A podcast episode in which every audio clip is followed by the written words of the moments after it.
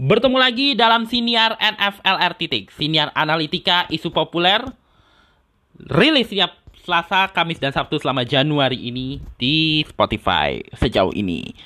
Dan gue ada kabar baik. Untuk lulu yang mengikuti episode siniar atau yang mengikuti siniar ini dari awal sekali dari episode pertama bulan Juli 2021 bahwa siniar ini pada bulan Februari mendatang akan memasuki musim kedua. Dan di musim kedua ini ada sedikit kejutan yang akan gue siapkan untuk Anda pendengar setia saya. Yang juga salah satu strategi untuk memperluas uh, jangkauan pendengar siniar gue. Uh, karena kebanyakan ya dari yang gue lihat di statistik itu kebanyakan pendengarnya adalah pendengar berusia ya seusia gue lah 19 hingga 23 tahun atau 27 tahun lah. Kayak sekitaran segitu. Dan gue lagi mencoba untuk apa ya menjangkau pasaran dari umur 19 hingga 39 tahun. Makanya gue mau melakukan sedikit uh, touching touching terhadap episode sineri ini. Dan penjelasan yang akan gue sampaikan di hari Sabtu 22 Januari 2022 di siniar ini uh, rilis 3 petang. Mudah-mudahan tidak lewat. Dan sekarang kita lanjut untuk episode hari ini yang isunya kebetulan lagi ramai di minggu ini episode yang akan menjadi topik uh, bahasan kita hari ini adalah urgensi tiga periode.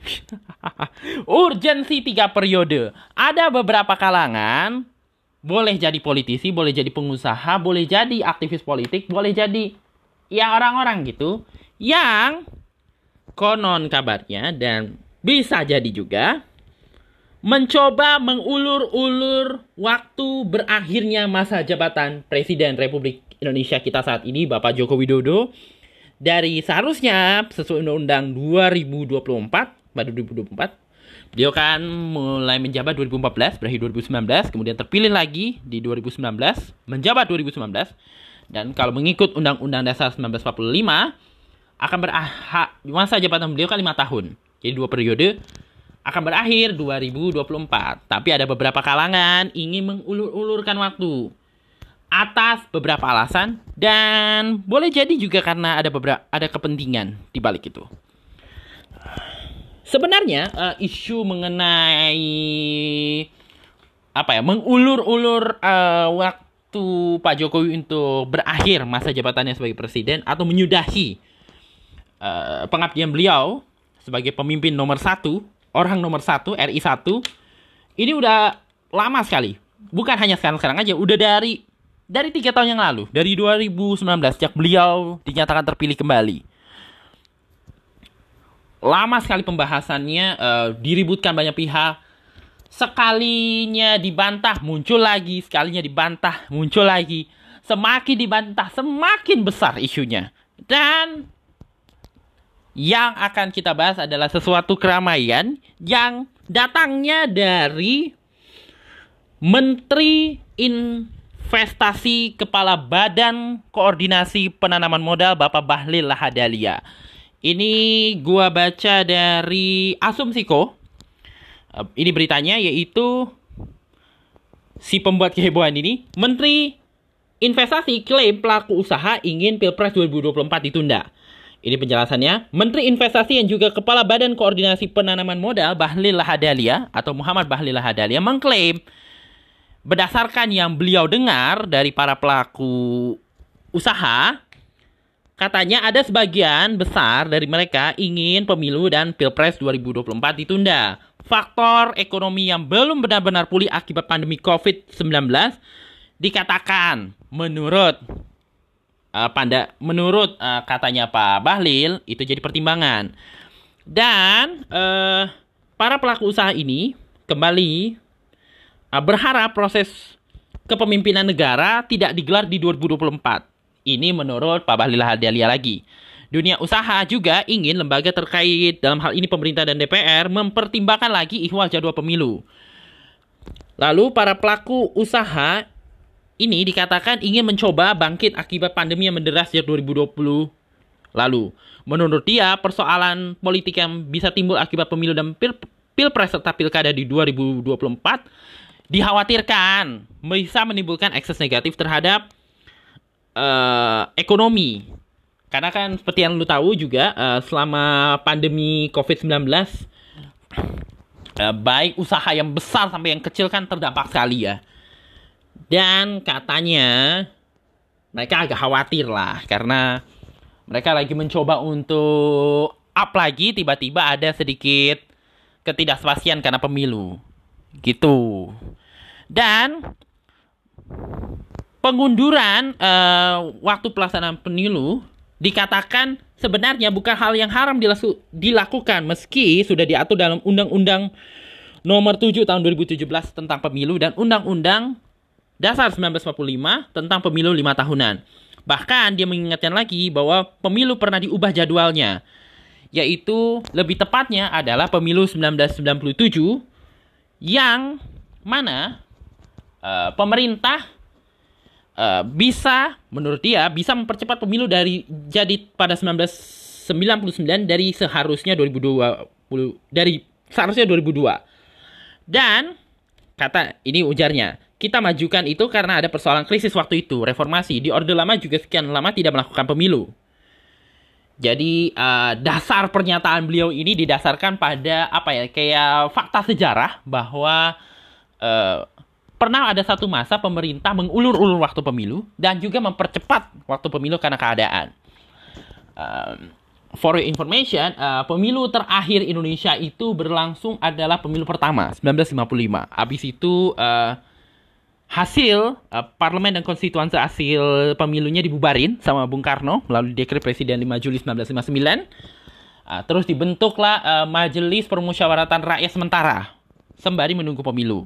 Tetapi karena keadaan pemilu nggak diterus-terusin gitu. Sampai akhirnya pemerintah Orde Baru yang muncul setelah kejatuhan Orde Lama berkomitmen untuk melaksanakan pemilu yang akhirnya terjadi di 1971.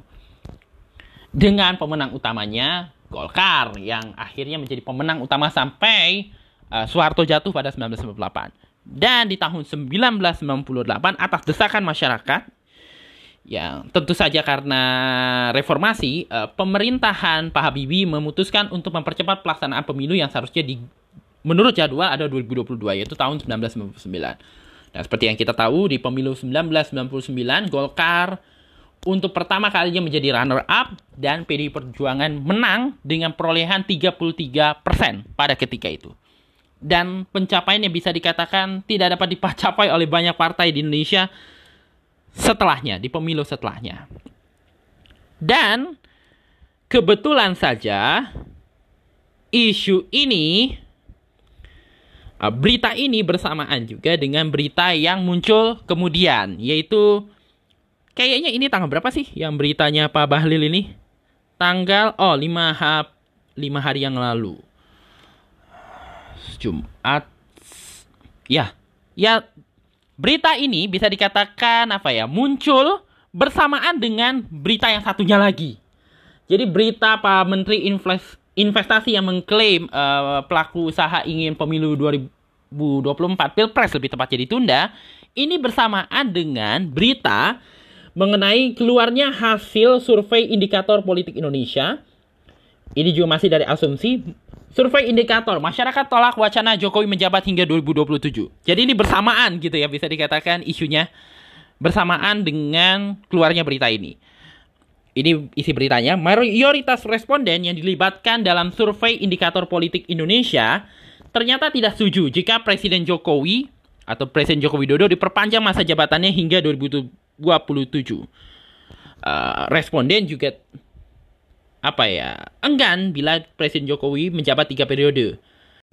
Ini dia lanjutannya. Uh, survei indikator politik ini dilakukan selama 6 hingga 11 Desember 2021 yang melibatkan 1.220 responden berusia 17 tahun ke atas dan dilakukan dengan wawancara tatap muka terhadap responden yang dipilih dengan metode multi-stage random sampling dengan margin error 2,9% dan kepercayaan 95%. Nah, da berdasarkan hasil uh, survei yang dilakukan terhadap 1220 responden di seluruh Indonesia itu dalam isu perpanjangan masa jabatan Pak Jokowi hingga 2027 ada 32,9% yang tidak setuju. Sementara 25,1% lagi sangat tidak setuju. Uh, yang setuju sekitar 31 persen, uh, sangat setuju 4,5 persen, dan yang tidak menjawab 6,6 persen. Jadi bisa dikatakan isu perpanjang masa jabatan Pak Jokowi ke 2027 ini lebih banyak yang tidak setujunya kalau digabung ya. Uh, pendapat yang tidak setuju dan sangat tidak setuju. Sementara dalam isu Jokowi yang wacana tiga periodenya Presiden Joko Widodo uh, juga banyak sekali publik yang disurvei ini menolak wacana uh, Presiden untuk menjabat tiga periode. Yang menyatakan tidak setujunya itu adalah 27 sangat tidak setuju ya. Maksudnya di sini uh, dalam isu ini 27,1 persen yang tidak setuju 28,4 persen, yang setuju 33,3 persen. Ini lebih banyak. Kalau secara pemisahan mungkin lebih banyak, tetapi kalau digabung, yang tidak setujunya tentu lebih banyak daripada yang setuju, tentu saja. Sangat setuju 6,7 persen, tidak menjawab 4,5 persen. Jadi kira-kira gitu. Jadi berdasarkan hasil survei daripada indikator ini, sebagian besar tidak setuju boleh dikatakan publik yang disurvei oleh indikator ini sangat tidak mengizinkan kalau ada wacana yang ingin pak apa ya dari kalangan baik itu pengusaha, politisi atau siapa pun yang ingin mengulur-ulurkan berakhirnya masa jabatan Pak Jokowi sebagai Presiden Republik Indonesia. Dan ini juga ada penjelasan yang lebih ini lagi di survei yang sama pada survei yang uh, sama juga masyarakat juga walaupun ada alasan uh, pemulihan ekonomi nasional pasca Covid-19 menjadi alasannya pun publik tetap tidak setuju. Kalaupun alasannya adalah pemulihan ekonomi nasional uh, demi yang apa ya pemulihan ekonomi nasional pasca pandemi pun sebagai alasan Pak Jokowi untuk diulurkan waktu berakhir waktu habis masa jabatannya pun ke 2027 pun publik tak tak akan mengizinkan. Kira-kira gitu. Dan gara-gara pernyataan Pak Bahlil ini ada yang gerah terutama dari oposisi utama di pemerintahan yaitu Partai Keadilan Sejahtera dan Partai uh, Demokrat. Di sini gue bacain lagi uh, Partai Demokrat dan PKS gerah dengan pernyataan Menteri Investasi ya bisa dikatakan gerah lah tentang pernyataannya Pak Bahlil dan mengingatkan kembali tentang amanat Undang-Undang Dasar 1945 tentang masa jabatan presiden serta jadwal pemilu lima tahunan uh, sebentar ya. Ini dia. Gue coba baca ya. Lebih ini. Uh, Demokrat uh, dan PKS gerah dengan pernyataan Bahlil yang mengingatkan kembali tentang sebenarnya sama. Dan ini pernyataan uh, bantahan atau penolakan ini datang dari Ketua DPP PKS Mardani Alisera yang bilang Dia bilang kalau mau menyampaikan itu, beliau bisa mengatakan keinginan itu tak bisa dilaksanakan karena amanah konstitusi lima tahun dan presiden di sumpah untuk mengemban amanah lima tahun dan tidak boleh main-main dan harus ikut aturan main yang tertuang dalam konstitusi. Sementara Kamhar Lakumani, Deputi Bapilu DPP Demokrat, mencurigai adalah kelompok adanya kepentingan kelompok oligar yang dikatakan sebagai oligarki dan kelompok pengusaha yang ada kepentingan yang berkaitan dengan beberapa agenda-agenda besar pemerintah. Seperti yang kita tahu di sekitaran uh, selama masa jabatan Presiden Jokowi ini banyak banget kan proyek-proyek yang apa ya bisa dikatakan terhambat lah karena pandemi. Salah satunya adalah proyek ibu kota negara di Kali yang akan dipindah ke Kalimantan. Jadi ada kecurigaan, ini ada kepentingan di balik ini. dan publik gue nggak tahu ya reaksi publik apakah isu ini rame atau enggak tapi bisa dikatakan isu ini cukup sensitif. Sangat sensitif apalagi kalau berkaitan dengan politik berkaitan dengan masa jabatan. Walaupun sebenarnya wacana-wacana ini bukan hal yang baru. Bukan hal yang baru bukan hal yang baru ini udah bisa dikatakan sebuah uh, pergaduhan besar sebuah isu panas. Bahkan dari Presiden Jokowi terpilih kembali. Kalau lu ingat dan mungkin gua kasih tahu sedikit kronologinya uh, 2019 kalau diingat uh, ketika Pak Jokowi terpilih kembali uh, dalam Pilpres 2019 jadi menjabat untuk kedua kalinya sebagai presiden dengan perolehan suara 55,5 persen dan Prabowo Sandi 45,5 persen. Itu uh, kebetulan uh, Presiden Jokowi kan, gue nggak tahu Presiden Jokowi atau apa, ada rancangan untuk melakukan semacam amandemen kelima.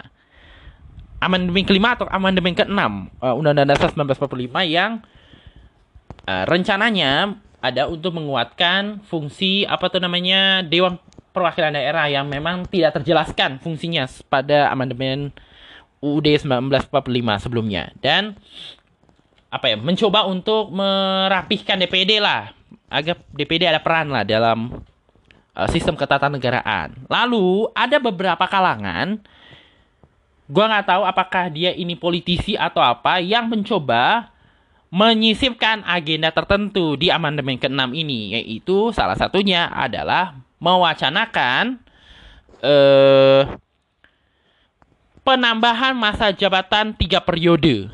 Yang kalau misalnya itu terjadi, maka mereka yang sebelum ini terhalang apa ya yang mungkin masih diharapkan menjabat lagi apa ya men, tidak menjabat lagi uh, presiden gitu ya atau yang mungkin pernah jadi presiden mau mencalonkan diri lagi tapi terhalang oleh aturan itu boleh mengajukan boleh maju lagi gitu dengan wacana tiga periode itu Pak Jokowi bisa Pak SBY bisa dan mungkin juga Pak JK bisa kalau mau nyalon wakil presiden lagi kira-kira gitu tetapi wacana ini ditentang banyak pihak. Bahkan Presiden Jokowi sendiri membuat pernyataan. Orang-orang yang apa ya kira-kira ya? Yang gue inget orang-orang yang pada mengusulkan uh, wacana ini diibaratkan Pak Jokowi itu seperti menampar mukanya. Dan itu ramai sekali dibahas. Termasuk juga Pak Abdillah Toha waktu itu ada nge-tweet, gue like kebetulan tweetnya. Yang mendukung pernyataan presiden yang menolak wacana tiga periode tersebut gitu. Uh, tahun 2020 uh, eh, isu ini agak meredah sedikit tapi ada isu lain yaitu adanya wacana yang menginginkan Pak Jokowi itu menjabat sampai 2027.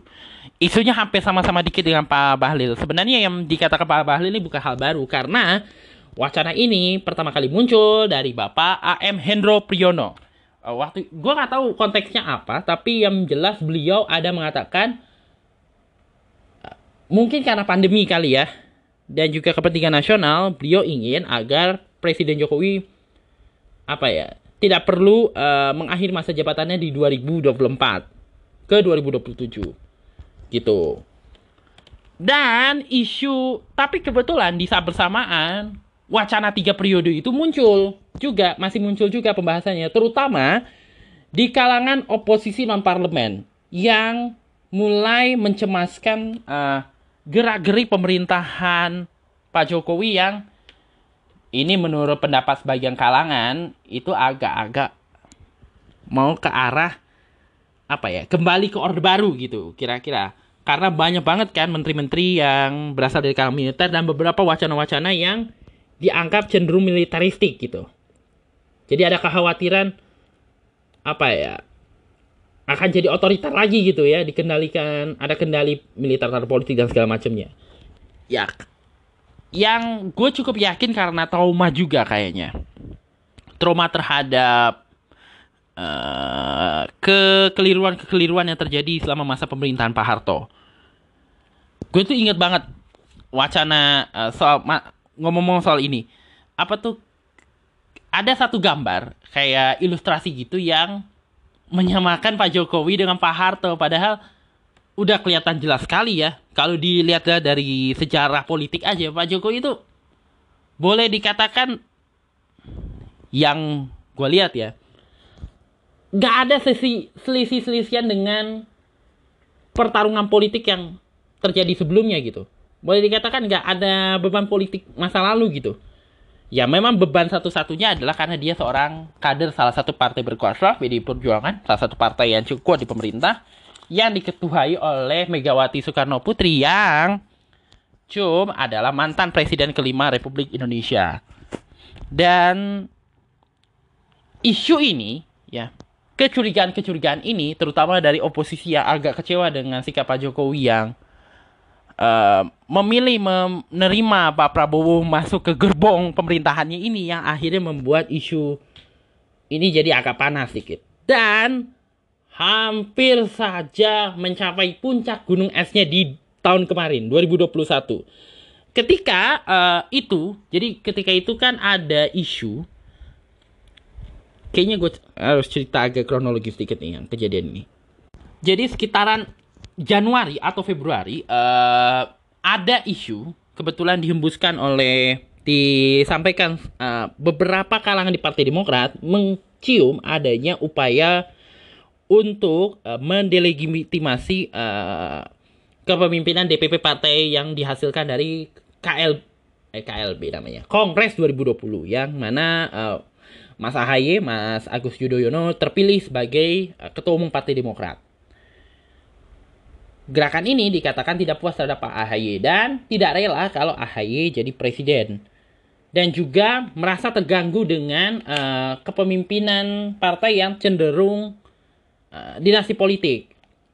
Inginnya seperti Demokrat pada awal-awal masa awal-awal partai itu berdiri yaitu Demokrat yang memberi kebebasan gitu. Jadi mendakwa bahwa demokrasi tidak demokratis. Jadi mereka merancang untuk membuat KLB.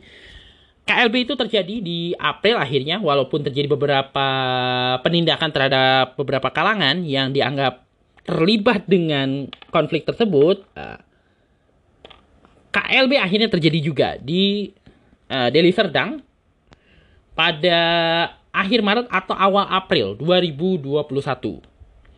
Dan secara kebetulan, gara-gara polemik Demokrat ini, uh, uh, nama Muldoko terseret dalam hal ini Pak Kepala Staf Kepresidenan Pak Muldoko terseret.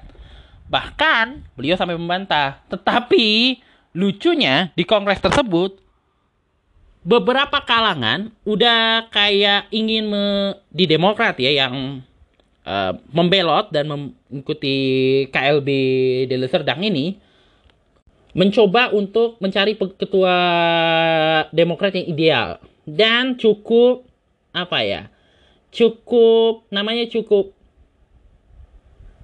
pas lah untuk dijadikan calon presiden 2024. Salah satunya Kang Emil. Kang Emil menolak karena dia nggak mau apa ya melangkahi Mas Ahaye sebagai ketua umum Partai Demokrat. Akhirnya nama yang dicari ujung-ujungnya adalah Pak Muldoko juga dan lucunya Pak Muldoko menerima pinangan uh, teman-teman Deli Serdang ini menjadi ketua DPP Partai Demokrat. Nah, isu KLB Deli Serdang ini me mencetuskan sedikit apa ya? Sedikit kegaduhan lah dan juga kecemasan. Karena ada kekhawatiran bahwa jumlah kekuatan partai pemerintah di Dewan Perwakilan Rakyat jadi terlalu besar. Yang sesuai dengan imajinasi kekhawatiran mereka, mungkin-mungkin saja akan terjadi apa ya bisa dikatakan terwujudlah apa tuh namanya amandemen Undang-Undang 45 dan e, masuknya wacana presiden tiga periode itu. Karena secara hitung-hitungan boleh dikatakan partai pemerintah lebih besar lah kekuatan politiknya dibandingkan partai oposisi gitu, lebih besar. Termasuk dengan masuknya PAN di akhir tahun lalu, tahun 2021 kemarin. Nah, akhirnya terjadi sedikit kegaduhan lah, kira-kira gitu. Yang apa ya? Adanya ancaman terhadap demokrasi segala macam. Sesuatu yang gue sendiri bahkan bingung gitu. Ini kok jadi kayak kejadian yang gue tonton di takdir yang tertulis. By the way, takdir yang tertulis ini adalah series dari Malaysia yang uh, bisa lu tonton juga di TV tentang konflik berebut perusahaan itu. Jadi gue tuh apa ya suami istri berebut perusahaan ceritanya. Lebih lengkap ya lu tonton sendiri dramanya. Itu drama dari Malaysia. Jadi ketika gue lihat konflik ini malah gue langsung teringat sama kejadian yang gue tonton di takdiran tertulis. Lah ini kok jadi mirip kejadiannya Makanya gue bilang, ini pasti ada yang kena karma ini. Lihat aja nanti gitu dalam hati gue. Walaupun akhirnya kepengurusan Partai Demokrat itu akhirnya di, di yang dari KLB Deli Serdang menyampaikan bukti, yang dari KLB yang sebenar 2020 di Jakarta juga menyampaikan bukti gitu. Akhirnya pemerintah melalui Menko uh, Polhukam Pak Mahfud MD dan Menkumham uh, Yasona Lauli ternyata menolak KLB Deli Serdang karena tidak lengkap dokumennya dan tetap mengakui hasil KLB 2020 yang ketuanya Pak AHY. Nah, isu agak meredah, tetapi isu perpanjang masa jabatan ini belum berakhir. Boleh dikatakan belum berakhir. Apalagi ada muncul gerakan Jokowi Prabowo 2024 yang digulir salah satunya digulirkan oleh kepala eksekutif apa sih namanya tuh? Indobarometer Bang Kodari. Yang itu kontroversial sekali gitu. Karena loh kok nih orang kok pengen banget gitu ya Jokowi Prabowo apa ya Jokowi maju lagi dengan Pak Prabowo gitu.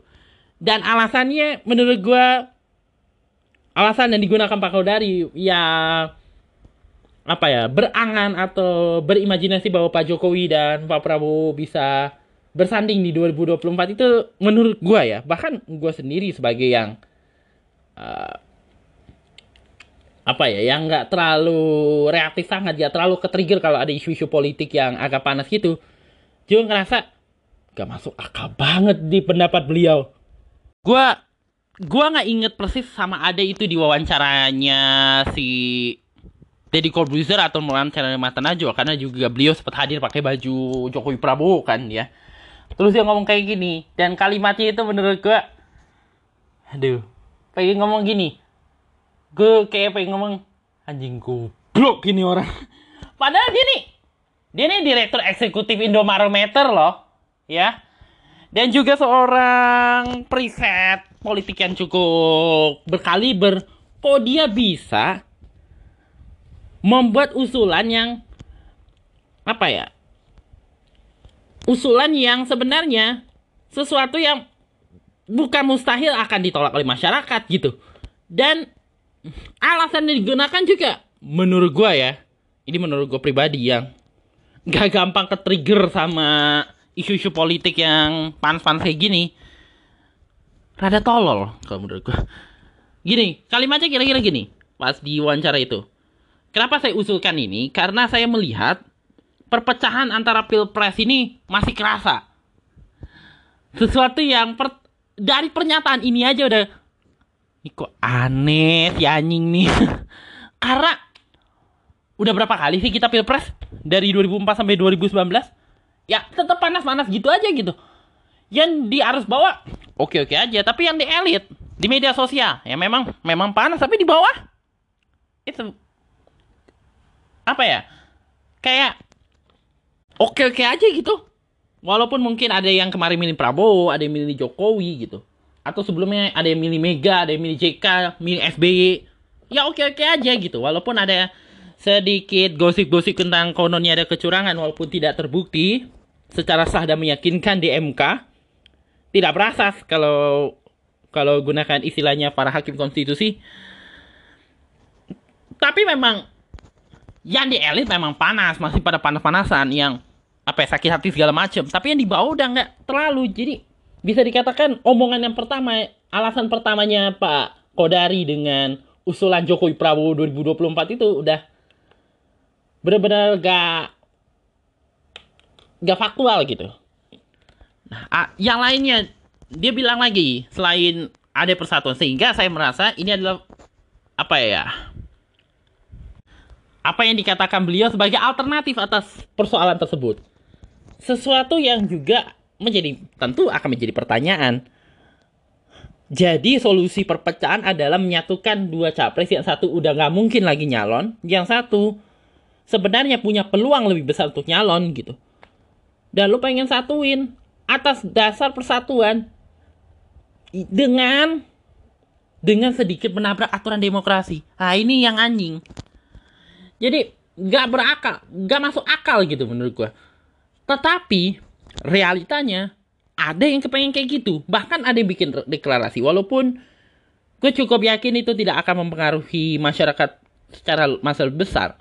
Dan kalau secara di bawah, sebenarnya perbincangannya lebih kepada siapa yang akan jadi pemimpin di 2024. Bukan tentang Jokowi maju lagi 2024. Karena mereka tahu secara aturan udah gak memungkinkan. Tetapi ada faktanya yang mencoba mendorong gitu. Dan kembali lagi ke masalahnya Pak Bahlil yang katanya ingin dengar pendapat pengusaha yang pengen waktu pemerintahan Pak Jokowi diulur-ulurkan berakhirnya, gue cukup yakin. Gue cukup yakin mereka berpendapat seperti itu karena A, mereka ada kepentingan dengan proyek-proyek pemerintah, pemerintah. B, atau B, uh, ada kekhawatiran yang kalau misalnya pemerintahan berganti kemungkinan mereka nggak akan dapat proyek berikut proyek yang besar atau nah ini ini nih ini nih yang udah apa ya feeling gue sendiri. Kalau ini dari feeling gue yang belum tentu benar juga. Curiganya ada pebisnis-pebisnis atau kelompok-kelompok bisnis yang kemungkinan besar kemakan hoax, kemakan propaganda yang uh, mengaru-arukan adanya apa yang dikatakan sebagai propaganda kemunculan Talibanisme di Indonesia. Kan sempat rame kan yang soal apa tuh namanya? Wah, ada Taliban menyusup di politik Indonesia. Wah, ada orang-orang radikal yang mirip Taliban masuk ke sendi-sendi pemerintah, sendi-sendi partai politik segala macam yang sebenarnya soal yang radikalisme di politik sempat agak terbukti sih dengan tertangkapnya seorang ketua partai politik yang ternyata menggunakan partai politik untuk penjaringan teroris. Memang ada yang ketahuan. Cuma yang jadi sasaran tembaknya ini partai-partai yang dikatakan tidak sejalan dengan ideologi-ideologi yang katanya apa ya orang-orang yang gak serak dengan pandang-pandang konservatif keras gitu ya konservatif banget gitu ya secara agamisnya. Di labeli mereka sebagai uh, orang-orang yang Taliban lah radikal lah dan sebenarnya permainan itu agak efektif. Makanya kejadian kan kayak TWK KPK dan segala macamnya. Walaupun menurut gua nggak produktif juga karena itu sama aja kayak apa ya melebeli orang yang nggak bersalah yang cuma simpatisan sebagai PKI gitu.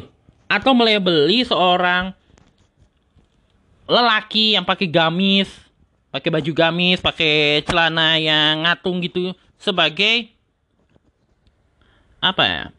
Garis keras radikal segala macem. Ya sama aja gitu. Tetapi mereka menggunakan propaganda Talibanisme itu untuk menakut-nakuti kelompok-kelompok, utamanya kelas atas gitu. Sehingga mereka akhirnya jadi sadar, oh kalau gue nggak milih nanti akan jadi kayak gini-gini. Ya udah deh gue milih aja gitu. Atau mungkin ada juga yang berpikir kayak gini. Kalau keadaan kayak gini mendingan otoritarian pun lebih baik kali ya gitu. Masih ada yang berpikir seperti itu. Karena kenyataannya dalam politik Indonesia, di antara kelompok-kelompok yang golput, Salah satunya adalah kelompok yang kebanyakan duit. Yang udah terlanjur kaya, crazy rich. Memang betul, memang ada beberapa pengusaha yang punya keberpihakan politik terhadap capres tertentu kepada partai tertentu. Tetapi, tak sedikit di antara orang-orang kaya ini yang gak peduli politik. Lu mau pemilunya gimana kek apa kek. Selama dia gak mempengaruhi bisnisnya ya oke-oke aja gitu. Jadi ada kecenderungan mereka gak menggunakan hak suaranya. Alih-alih pemilu, mereka malah pelesiran ke Bali, ke puncak, segala macam, menemuin jalan di puncak sana, ya kan?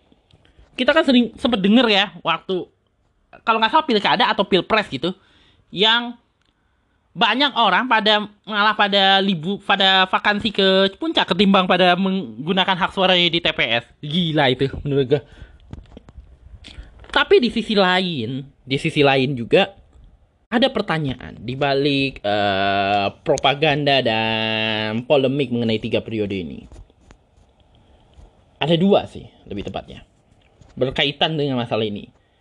Satu, A, apakah iya memang Pak Jokowi menginginkan soal ada yang perpanjang masa jabatan itu? Yang kedua, ini sambungannya. Kalau iya, kenapa sampai sekarang Pak Jokowi cenderung malah menentang gagasan-gagasan seperti itu? Dan itu tercermin loh dari semua pernyataannya. Setiap kali ada isu yang sedemikian itu tiga periode apa perpanjangan 2027 beliau menentang bahkan sampai ngomong gam merasa digampar mukanya kalau ada isu kayak gitu so tapi semakin beliau membantah semakin pula isu itu mengencang yang gue curiganya ada kaitannya pertarungan di dalam elit yang sama ada ini dan sama ada itu. Kepentingan ini kepentingan itu. Ya pengen berebut jatah lah kira-kira gitu ya. Dan juga lagi-lagi soal masalah ketakutan-ketakutan itu sebenarnya wajar aja karena sampai saat ini yang elektabilitasnya itu gila-gilaan ya. Ya masih bertengger di tiga besar. Pilpres tuh masih orang-orang yang sama sampai sekarang malah Ganjar Pranowo, Prabowo Subianto, Anies Baswedan termasuk juga Sandiaga Uno, Ridwan Kamil, Tri Risma hari ini BTP, AHY, siapa lagi? Erlangga Hartarto dan Puan Maharani. Sebenarnya dua ini, gue cukup yakin yang lebih diinginkan kelompok-kelompok dunia usaha ini. Tetapi melihat uh, elektabilitasnya kecil, gak terlalu besar-besar amat, yang besar justru ya orang-orang seperti Ganjar, Anies, Prabowo Subianto, mungkin ada sedikit kekhawatiran, kerisauan. Makanya mungkin ada yang menasihati supaya pemilu diundur. Ya walaupun juga agak-agak kurang gimana gitu. Tapi kalau kita pengen berpikir lebih jauh lagi. Kenapa sih ada polemik yang kayak gini gitu ya? Apakah ini pertanyaan yang menarik sih. Apakah demokrasi yang udah kita rasakan hari-hari ini, saat ini juga, Walaupun ada yang bilang ada kemunduran segala macam. Dan reformasi yang menghasilkan ada pemilihan presiden segala macam ini, apakah membuat kita semakin dekat pada tujuan kita atau sebaliknya? Justru untuk sebagian kalangan ini, tentu ini juga menjadi renungan sebelum kita lebih jauh memahami apa sih sebenarnya alasan mereka sampai kayak gitu. Apakah reformasi saat ini sememangnya membuat kita semakin dekat atau justru malah semakin jauh dari tujuan utama Indonesia merdeka. Ya, tujuan utama Indonesia kan utama kemerdekaan Indonesia kan mem melindungi segenap bangsa Indonesia dan seluruh tumpah darah Indonesia, memajukan kesejahteraan umum, mencerdaskan kehidupan bangsa dan ikut serta dalam perdamaian dunia yang berdasarkan kemerdekaan, perdamaian abadi dan keadilan sosial. Apakah kita udah jauh dari tujuan itu sehingga mungkin ada arwah-arwah yang kayak gini atau justru malah kita semakin dekat? Tapi saat kita semakin dekat justru ada arwah-arwah kayak gini. Ini satu pertanyaan yang kontroversial memang tapi rasanya perlu dan gue cukup yakin ini ada di benak setiap orang-orang yang terlibat dalam percaturan politik kita saat ini. Dan sebelum gua menutup pembahasan dan kesim memberikan sedikit kesimpulan juga gue pengen cerita satu hal nih. Jadi itu ada sebuah pertunjukan. Ini ada kaitannya juga dengan masalah ini. Kayak pertunjukan seni tapi ini di luar negeri bukan di Indonesia. Ada seorang seniman luar negeri dia bikin pertunjukan. Ini gue baca dari kumpar eh bukan kumparan merinding. Aku Instagram merinding dia bikin kayak semacam hipotesa bagaimana orang itu semakin berkuasa tuh semakin dibenci. Bener gak sih yang kayak gitu?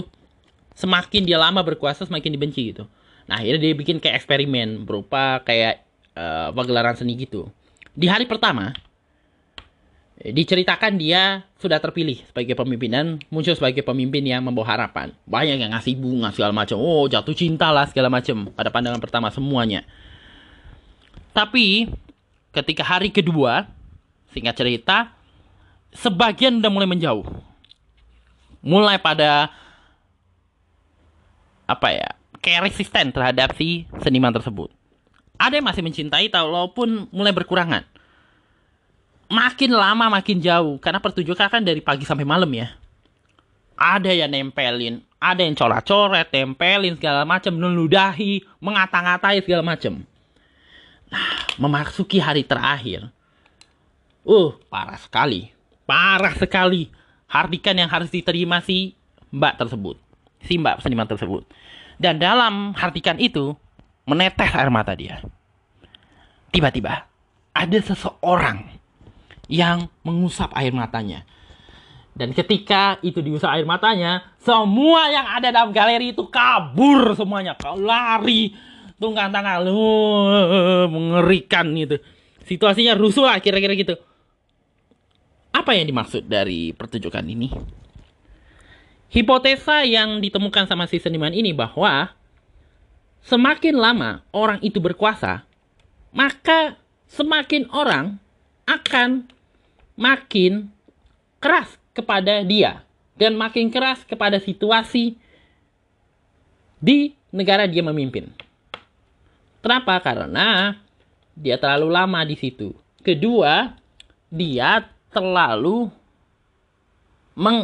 meluk kekuasaan itu sampai orang lain seakan-akan tidak ada peluang untuk bisa mendapatkan itu akhirnya mereka marah, mencaci maki, mengini meludahi segala macam, menempel segala macam kepada badan dia gitu. Itu sebenarnya harus jadi renungan gitu ya. Bahwa apakah memang demokrasi kita sudah sebobrok itukah sampai akhirnya ada pikiran-pikiran ingin apa ya cenderung otoritarianisme boleh-boleh aja gitu dan sebagainya? Atau justru harusnya ada yang perlu kita perbaiki dari demokrasi kita. Dan di sisi lain, gue rasa ya, kayaknya orang-orang ini yang pada punya usulan ini sebaiknya menurut gue usulkan calon presiden yang dirasa memenuhi keinginan mereka. Bukannya malah membuat apa ya? arwah-arwah propaganda-propaganda wacana-wacana yang bikin situasi politik yang harusnya bisa lebih tenang malah jadi makin gerusak gerusu karena memang keadaannya gerusak gerusu apalagi karena efek 212 nanti gue akan bahas kalau ada waktu ya situasi yang gerusak gerusu ini harusnya kita bisa menangkan diri bukannya malah mencetuskan konflik yang lebih besar jadi kita adalah kunci kepada demokrasi semua kita siap baik yang mendengarkan siniar ini ataupun yang di luar sana adalah pemegang kunci bagaimana seharusnya demokrasi ini dijaga dengan sebaik-baiknya. Dan kekuasaan itu ada batasnya, nggak selamanya. Kalau daripada lebih baik kita apa ya? Jangan terlalu obses sekali dengan seseorang tentang ini segala macam karena kita nggak tahu nanti ke depannya kita akan ada di posisi mana. Mana tahu kita benci sama si ini. Tapi tiba-tiba suara kita, hati kita, tiba-tiba kayaknya gue pengen milih ini. Lu siap menghadapi cacian makian yang akan lu terima sebagaimana lu mencaci maki si dia gitu. Ya sama, apakah ketika lu memilih uh, sama ketika lu memilih untuk kayaknya mesti perpanjang masa jabatan deh segala macem Apakah lu siap dengan situasinya? Jangan-jangan situasinya bisa lebih parah seperti 98. Sedangkan kita nggak mau mengulang kesalahannya sama. Nah, ini yang perlu diturunkan dari demokrasi kita. Apakah kita perlu memperbaiki demokrasi ini? Membuat demokrasi ini menjadi semakin memanusiakan manusia. Bukannya membuat kita memuja-muja manusia, tertentu yang membuat kita lupa bahwa ada manusia lain yang perlu didengar suara hatinya. Makanya muncullah yang namanya pemilu, yang namanya demokrasi, demokrasi uh, one man one vote yang membuat semua orang memiliki hak yang sama dalam berpartisipasi dalam demokrasi kita. Ah, Itulah penjelasan panjang gue untuk episode siniar kali ini. Kita jumpa lagi di episode berikutnya dari siniar NFL titik yang lainnya. Bye.